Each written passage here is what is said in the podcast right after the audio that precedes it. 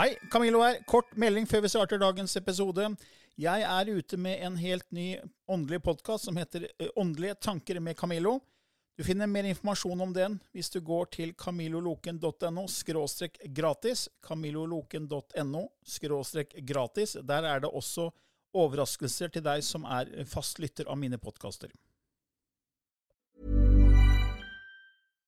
One size fits all seemed like a good idea for clothes Nice dress. Uh, it's a it's a t-shirt.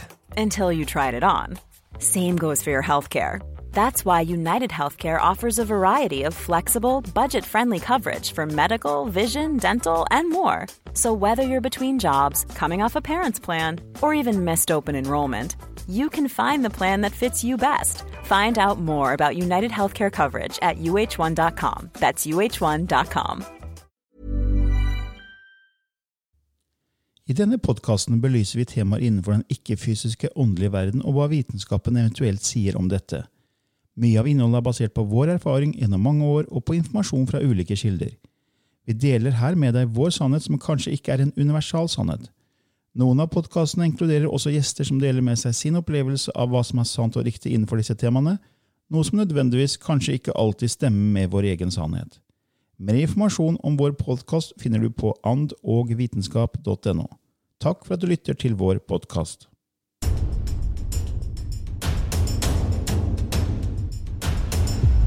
Hei og velkommen til sommerepisode nummer to av fire denne sommeren. Jeg håper du nyter sommeren. Jeg har i hvert fall hatt en fin liten tur i skogen i dag. Store deler barfot. Jeg er jo en stor barfottilhenger i og med at man får veldig mye påfyll av antioksidanter eh, når man går barfot. og hvis, Det har vi vel snakka om i podkasten tidligere òg. Men hvis det er nytt for deg, så kan du gå inn på min nettside earthpower.no og lese mer om helsegevinstene av å gå barfot der. Det er veldig mye spennende som skjer når man går barfot. Det er faktisk som å spise antioksidanter. Bare du får gratis påfyll ved å gå barfot, ved å ha hudkontakt med moder jord. Så to timer med det det gir skikkelig energipåfyll, og jeg føler meg veldig bra nå. Så nå er jeg klar for å lage en episode i sommer her. Sommerepisode nummer to.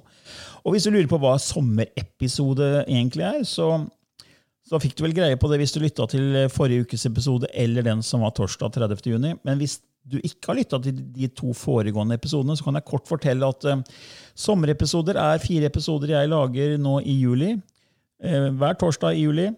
Det er fordi um, vi, vi hadde jo planlagt å ta sommerferie. Lilly er på ferie.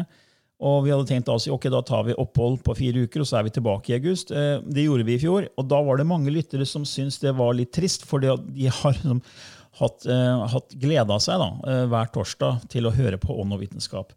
Og fire uker uten ånd og vitenskap ble litt lenge for, for noen lyttere, og det er jo veldig hyggelig å høre. Så da tenkte jeg som så, da er det bedre å lage egne sommerepisoder enn å ikke ha noen ting. Eh, Lilly er tilbake eh, i, i august. Eh, Det er vel 4. august, så vi har torsdag 4. august. ja. Så i juli tenkte jeg, da kan jeg lage noen sommerepisoder hvor jeg svarer på spørsmål fra lytterne. Så da er det bare å gå inn på uh, vår nettside annovitenskap.no, skråstrek kontaktskjema, eller kontakt, og der er et kontaktskjema hvor man kan fylle ut og sende inn spørsmål. og Da er det viktig å merke meldingen med sommerepisoder, slik at jeg vet at det gjelder for disse fire episodene, som er litt sånn utenom det vanlige. da. For Ånd hos vitenskap er jo Lilly Bendriss og Camilla Løken, men nå blir det egne sommerepisoder med meg, med undertegnede. Og Da svarer jeg på spørsmål. Og når jeg får spørsmål, så pleier jeg ofte å tenke litt på de spørsmålene som kommer inn, og så tenker jeg kan jeg noe om det her? Hvor mye kan jeg? Er det her eh, aktuelt for mange lyttere å få svar på? Og så går jeg litt og drodler på det ofte. da, Når jeg går i disse skogturene, så pleier jeg å tenke litt på de spørsmålene som kommer inn. Og da er det jo mange interessante spørsmål. Eh, noen har vi liksom vært delvis innom før, men det er alltid greit å få en ny vinkling. Så eh, jeg kommer her nå med et spørsmål fra Amanda, som sier kan en menneskekropp være i live uten en ånd eller sjel? Ja, det syns jeg er et spennende spørsmål, og jeg tror ikke vi har hatt det før, så vidt jeg kan huske. Og spørsmålet er da har alle mennesker en sjel. Det har vi vel snakket om, tror jeg. Eh, Eller finnes det mennesker uten sjel? Jeg er jo tilhenger av eh, kanalisert informasjon, som jeg har nevnt mange ganger før. Og En av de jeg ofte refererer til, er jo Neil Don Walsh og hans himmelske samtaler. Denne triologien han kom ut med på slutten av 90-tallet, var det vel. Som er, var tre bind. Og jeg kjøpte jo da den engelske versjonen, som er alle de tre første bøkene i ett bind i en triologi. I, i, som en hvit, tjukk bibel er det, som jeg har lest utallige ganger. Og han sier jo der at, der at alle mennesker har en sjel. Men så har jeg også lest informasjon fra andre som kanaliserer, at eh, det er mennesker som heller, som også da finnes her på jord, som ikke har sjel. Som ikke har dette gudeelementet i seg. Så det er jo Hvem vet? Det er ikke noe fasitsvar på det. Men det, det som er interessant, da, er at det, det, er jo mange forskere som sier at bevissthet er, er, er det som gjennomsyrer universet. Du har Amit Goswami, professor i teoretisk fysikk, som vi har vel nevnt noen ganger, som var med i dokumentaren What the Belief Do We Know fra 2004, som sier at bevissthet, energi og materie er det samme, fordi alt egentlig er bevissthet. Bevissthet kan erfare seg selv som, som materie og som energi.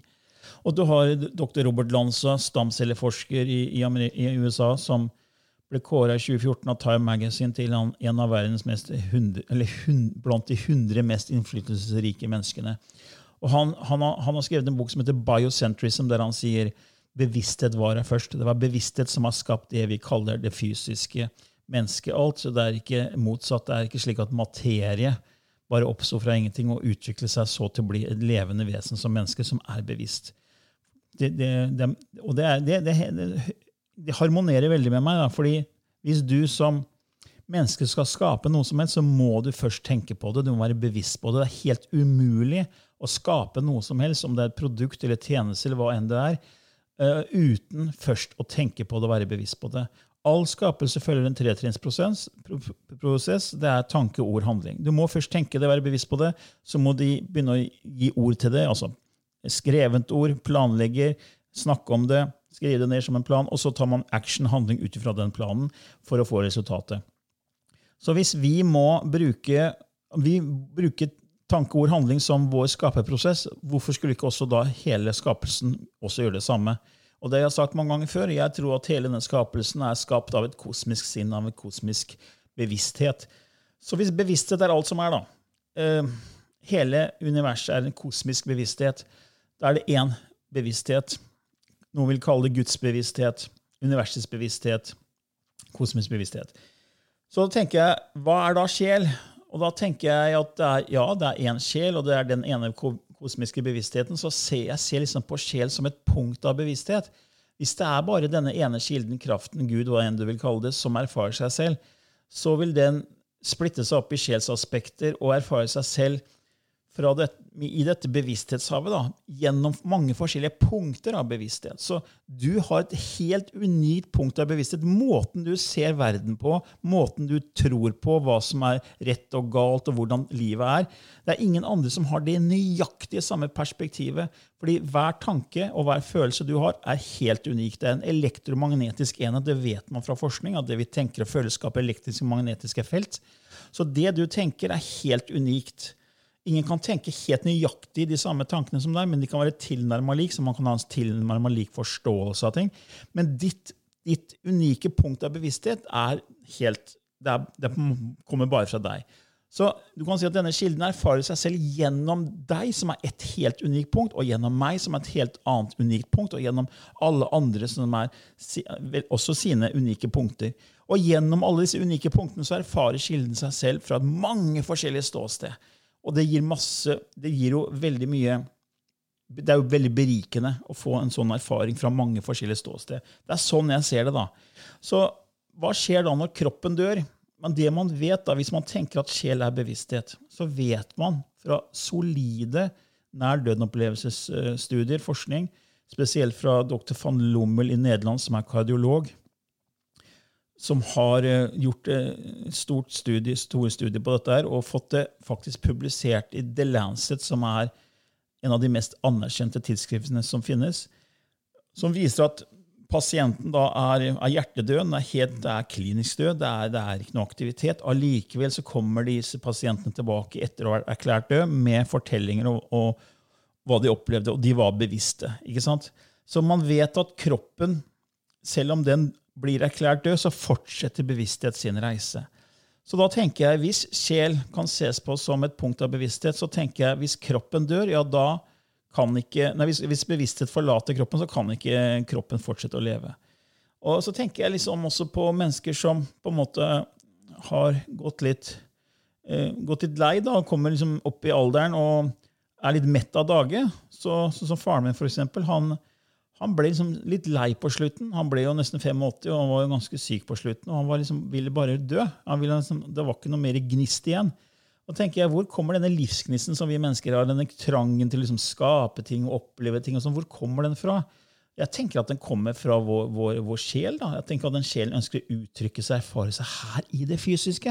Så denne gnisten den kommer fra dette sjelsaspektet da, som er i oss, eller som er en del av oss. Og når man ikke har det lenger, liksom, så, så, kommer liksom på slutten av livet, som faren min, da, så, så tenker jeg at da, kanskje, da er den sjelen ferdig med den jobben sin. Da. Da, da har, far var ferdig med sin, sin, rolle. Han kunne si ok, nå er jeg ferdig, nå skal jeg gå av scenen, nå går jeg backstage, tar av meg kostymet, og så finner jeg på noe annet. Sånn tenker jeg litt da, at uh, Far var ferdig med sin, sin, del av livet. Han hadde gjort det han kom hit for å gjøre. Han har fullført sin sjelskontrakt. og så, ok, nå er jeg mett av dagen, nå, nå stikker jeg. Det er litt sånn jeg tenker. da. For du ser at For mange mennesker som har levd en del år og kommer liksom på slutten av livet, så, så, så blir de liksom mett av dage, og så sier jeg nå er det nok. liksom. Og da tenker jeg ja.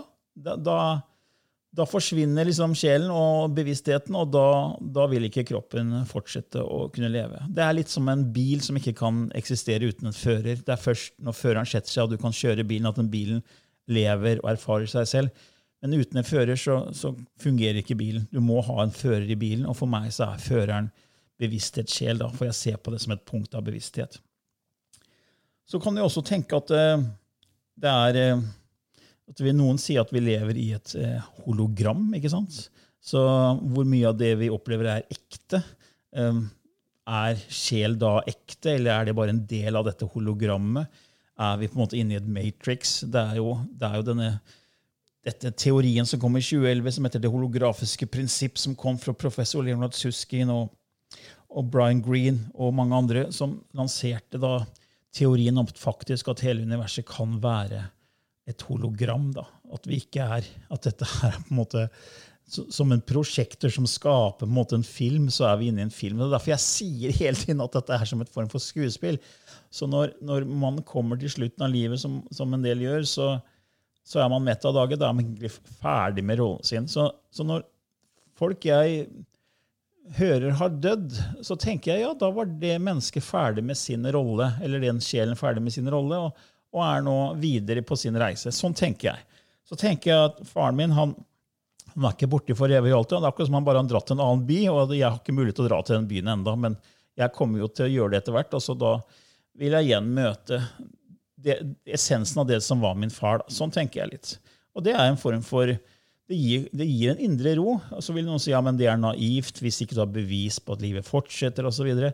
Ja, men Det har ikke noe å si det, om, om, det er bevist eller ikke, så lenge det gir meg en indre ro. Det er det som teller. Hvordan jeg føler meg. ikke sant?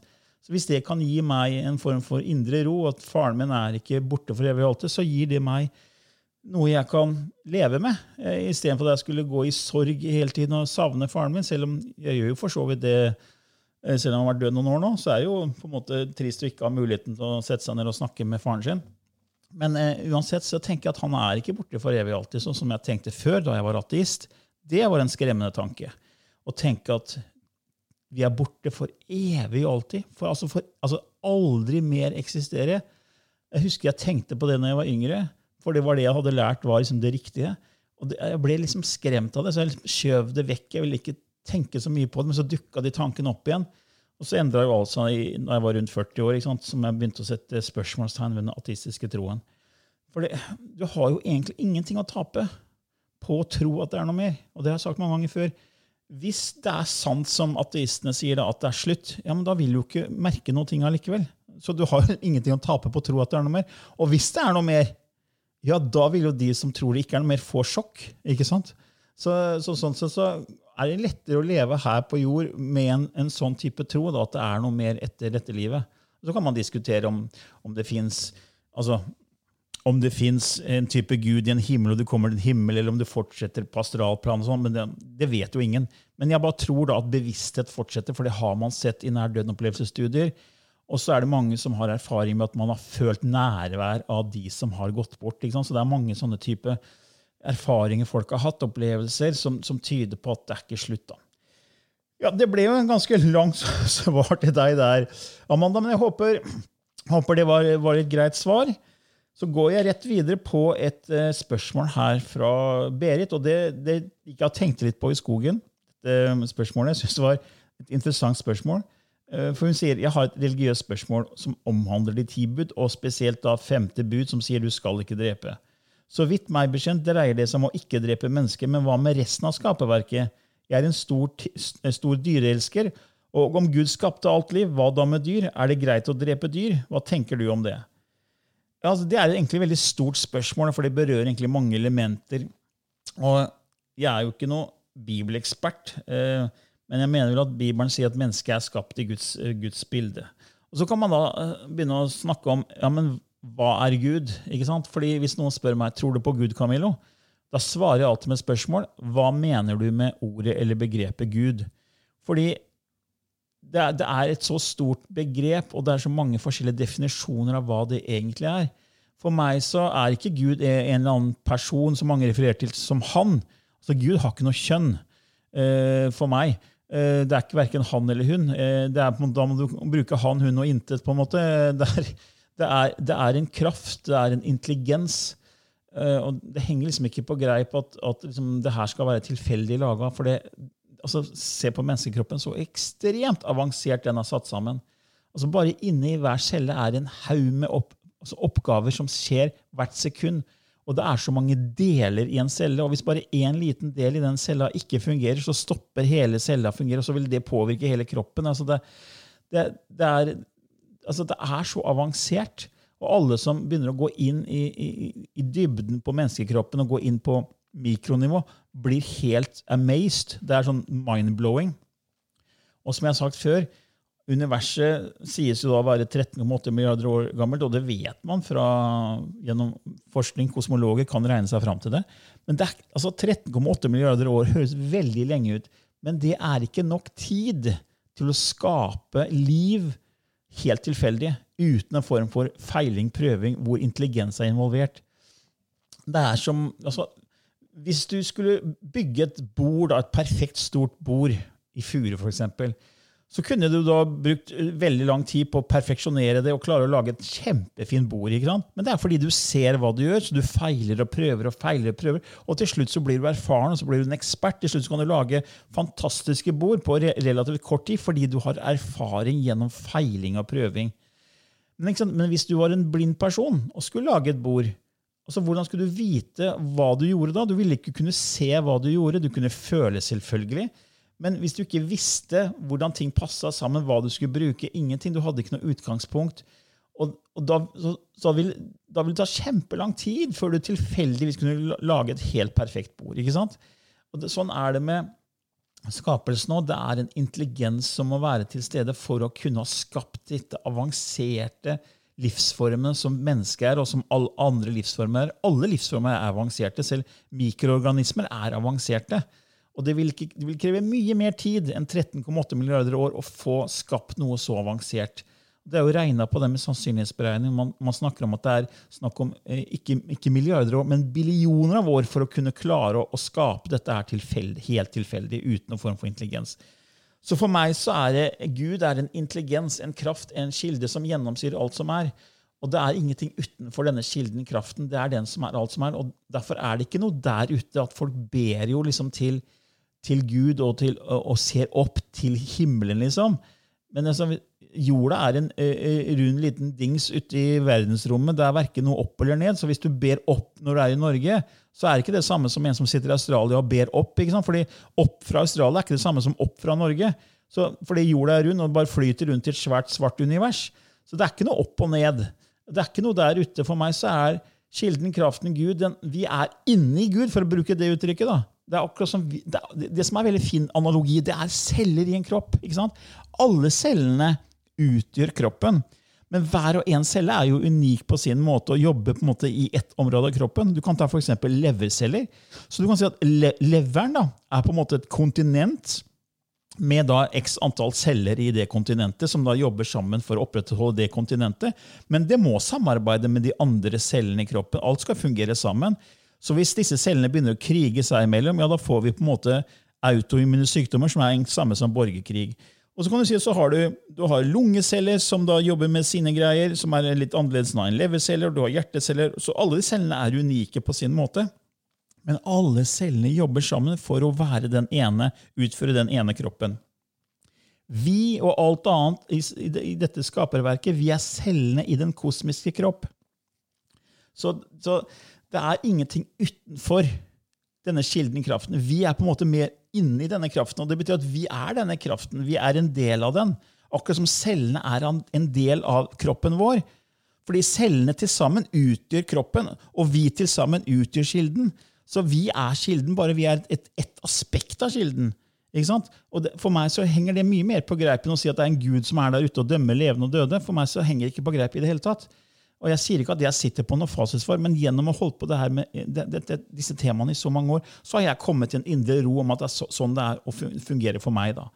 Og, Du må jo finne ut hva som er riktig for deg. Og Du kan tenke nå at dette er bare sprøyt, det Camilla sier, og det er helt greit. Jeg, jeg, jeg er helt åpen for at du må ha din forståelse. Eh, men jeg har kommet til det punktet at for meg så er ikke noe Gud kilde der ute. Vi er inne i denne kilden, for det er en kilden som er alt som er. Det er sånn jeg ser det da. Og der, så, så kommer vi tilbake til det med spørsmålet det er ikke, du skal ikke drepe. ikke sant? Det er det, dette femte budet. Drepe mennesker ok ja, selvfølgelig, og Vi har skapa menneskeregler som sier at hvis du gjør det, så får du kjempestore konsekvenser. Men hvis vi er alt som er, så, og Gud, kilden, kraften, har skapt alt som er, så har også denne kilden skapt alt fra insekter til småkryp til fisker til, til storvilt. ikke sant? Hva, hva, hvorfor, er ikke, hvorfor er det greit å drepe de?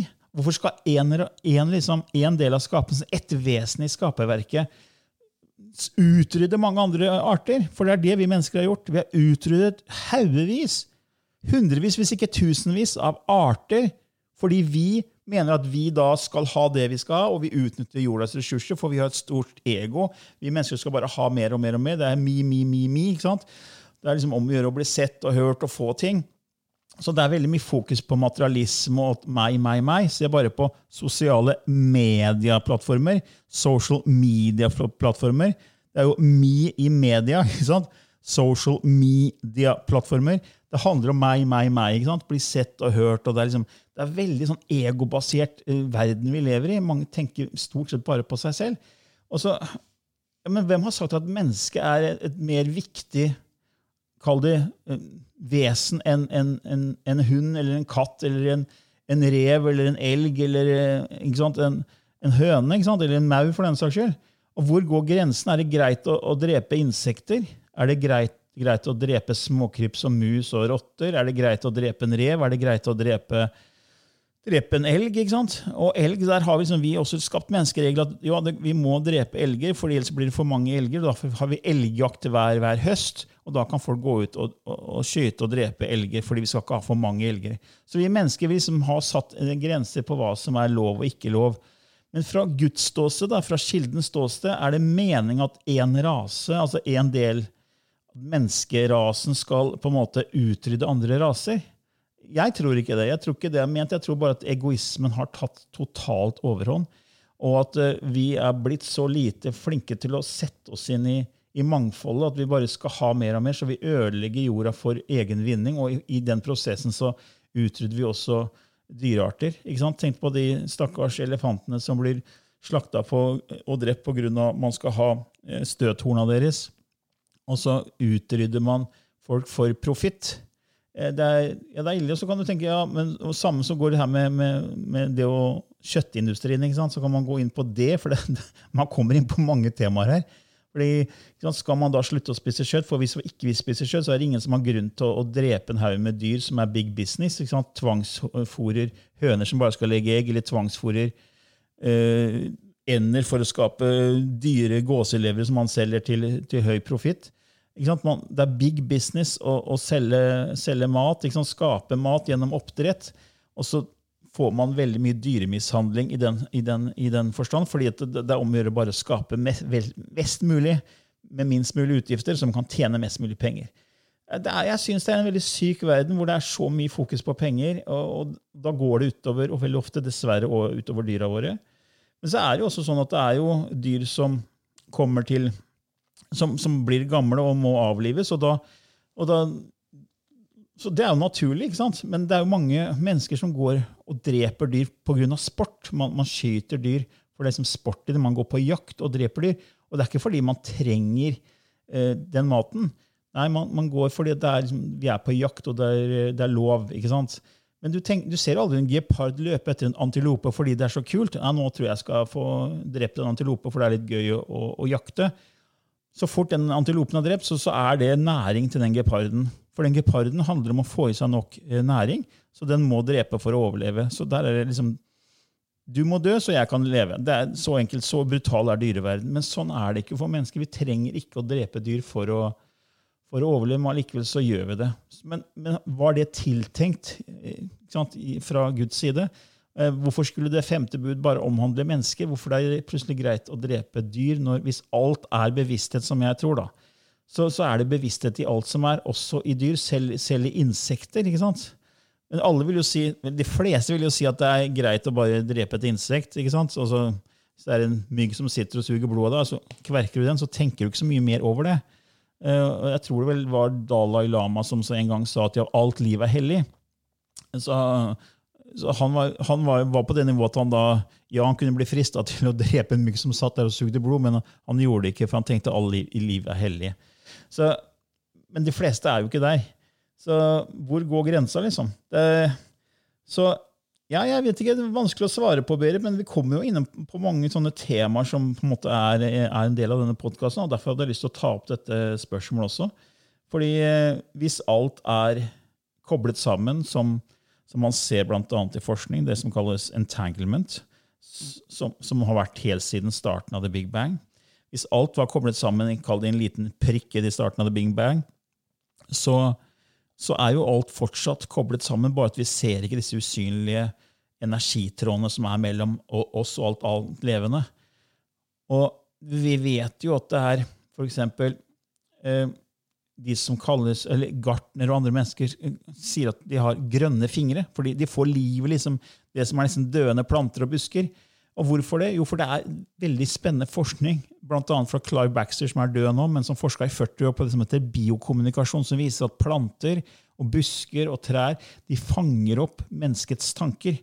Og hvis du har positive tanker når du jobber med planter og er glad og syns det er spennende, og du har lyst til å gi gode tanker til, til planter og busker, ja, så vil de plukke det opp. Og Clive Baxter klarte å dokumentere det her gjennom utslag på, på, på på forskjellige typer program han hadde. Han var jo en tidligere CIA-agent som eh, avhørte spioner med, med sånn løgn, løgndetektor. Og han klarte etter hvert å bruke det samme apparatet på, på, på, på planter. Og, fikk utslag når han tenkte visse stygge tanker, negative tanker og tilsvarende positive tanker. Og Det, det gjorde han ved en tilfeldighet, og så etter hvert så utvikla han det her til å bli en, en massiv forskning på over 40 år. Så biokommunikasjon. Det som er litt interessant, er at en som het Thomas Mellan Benedict, som ble erklært død i halvannen time. og Det er mange år siden jeg leste om han. Han er vel død nå. ja, han er vel død nå, ja. Eh, og han, eh, han, var altså full av kreft, var død i 90 minutter, kom tilbake, all kreften forsvant. Eh, han fortalte han ble vist veldig mye på den andre siden. Og så, han, så skrev han en del bøker som har blitt bestselgende bøker, og han kom med en haug med nye oppfinnelser som er bra for menneskeheten. Og Han har også uttalt at Clive Baxter kommer til i fremtiden å bli sett på som et, et geni som var langt forut sin tid, fordi han forsto det at uh, busker, trær og planter alt, de legger merke til våre tanker. De er oppmerksomme på våre tanker. De, de, registreres. Og Man har jo sett i forskning at uh, alt er koblet sammen gjennom det som jeg kalte entanglement, at alt er, er i hverandre. Man har tatt celler fra et menneskes munn, putta det i et reagensrør og frakta det flere mil unna det mennesket tatt det inn i et laboratorium. Så har de, eh, da, da er den cella som tilhører det mennesket, det er flere mil unna. Og så har de eh, utsatt det mennesket som på en måte ga fra seg den cella, for to typer bilder. Skrekkscenariobilder og kjærlighetsscenariobilder. Så ser man hvordan hjertefrekvensen og hvordan reaksjoner skjer i kroppen på det mennesket. Og så har man hatt atomiske klokker som er helt nøyaktige på millisekundet. Og så har man sett at når det mennesket fikk en reaksjon på det bildet det så, så fikk man utslag også på den cella som var flere mil unna. Så den cella den reagerte samtidig med det mennesket som eide den cella. Så det, selv om cella kom ut av kroppen og er i fysisk avstand fra det mennesket, så er det fortsatt kobling mellom cella og det mennesket. Så det, er, det har vært flere studier på det. I tillegg så er det jo det her med transplantasjon av organer. Det har jeg snakka om før i podkasten. At eh, man, man, får et hjerte fra en død person. Kanskje noe som var en ulykke, og så redder man hjertet, og så gir man det til en som trenger hjerte. Og det man har sett da, som er, går inn i flere studier, er at de menneskene som får hjerte fra, fra et menneske som har dødd, eh, de begynner å endre smakssansen, de begynner å endre tankesettet sitt, væremåten, personligheten. Drømmer, drømmer, helt andre ting, og ofte da drømmer om det mennesket som har dødd.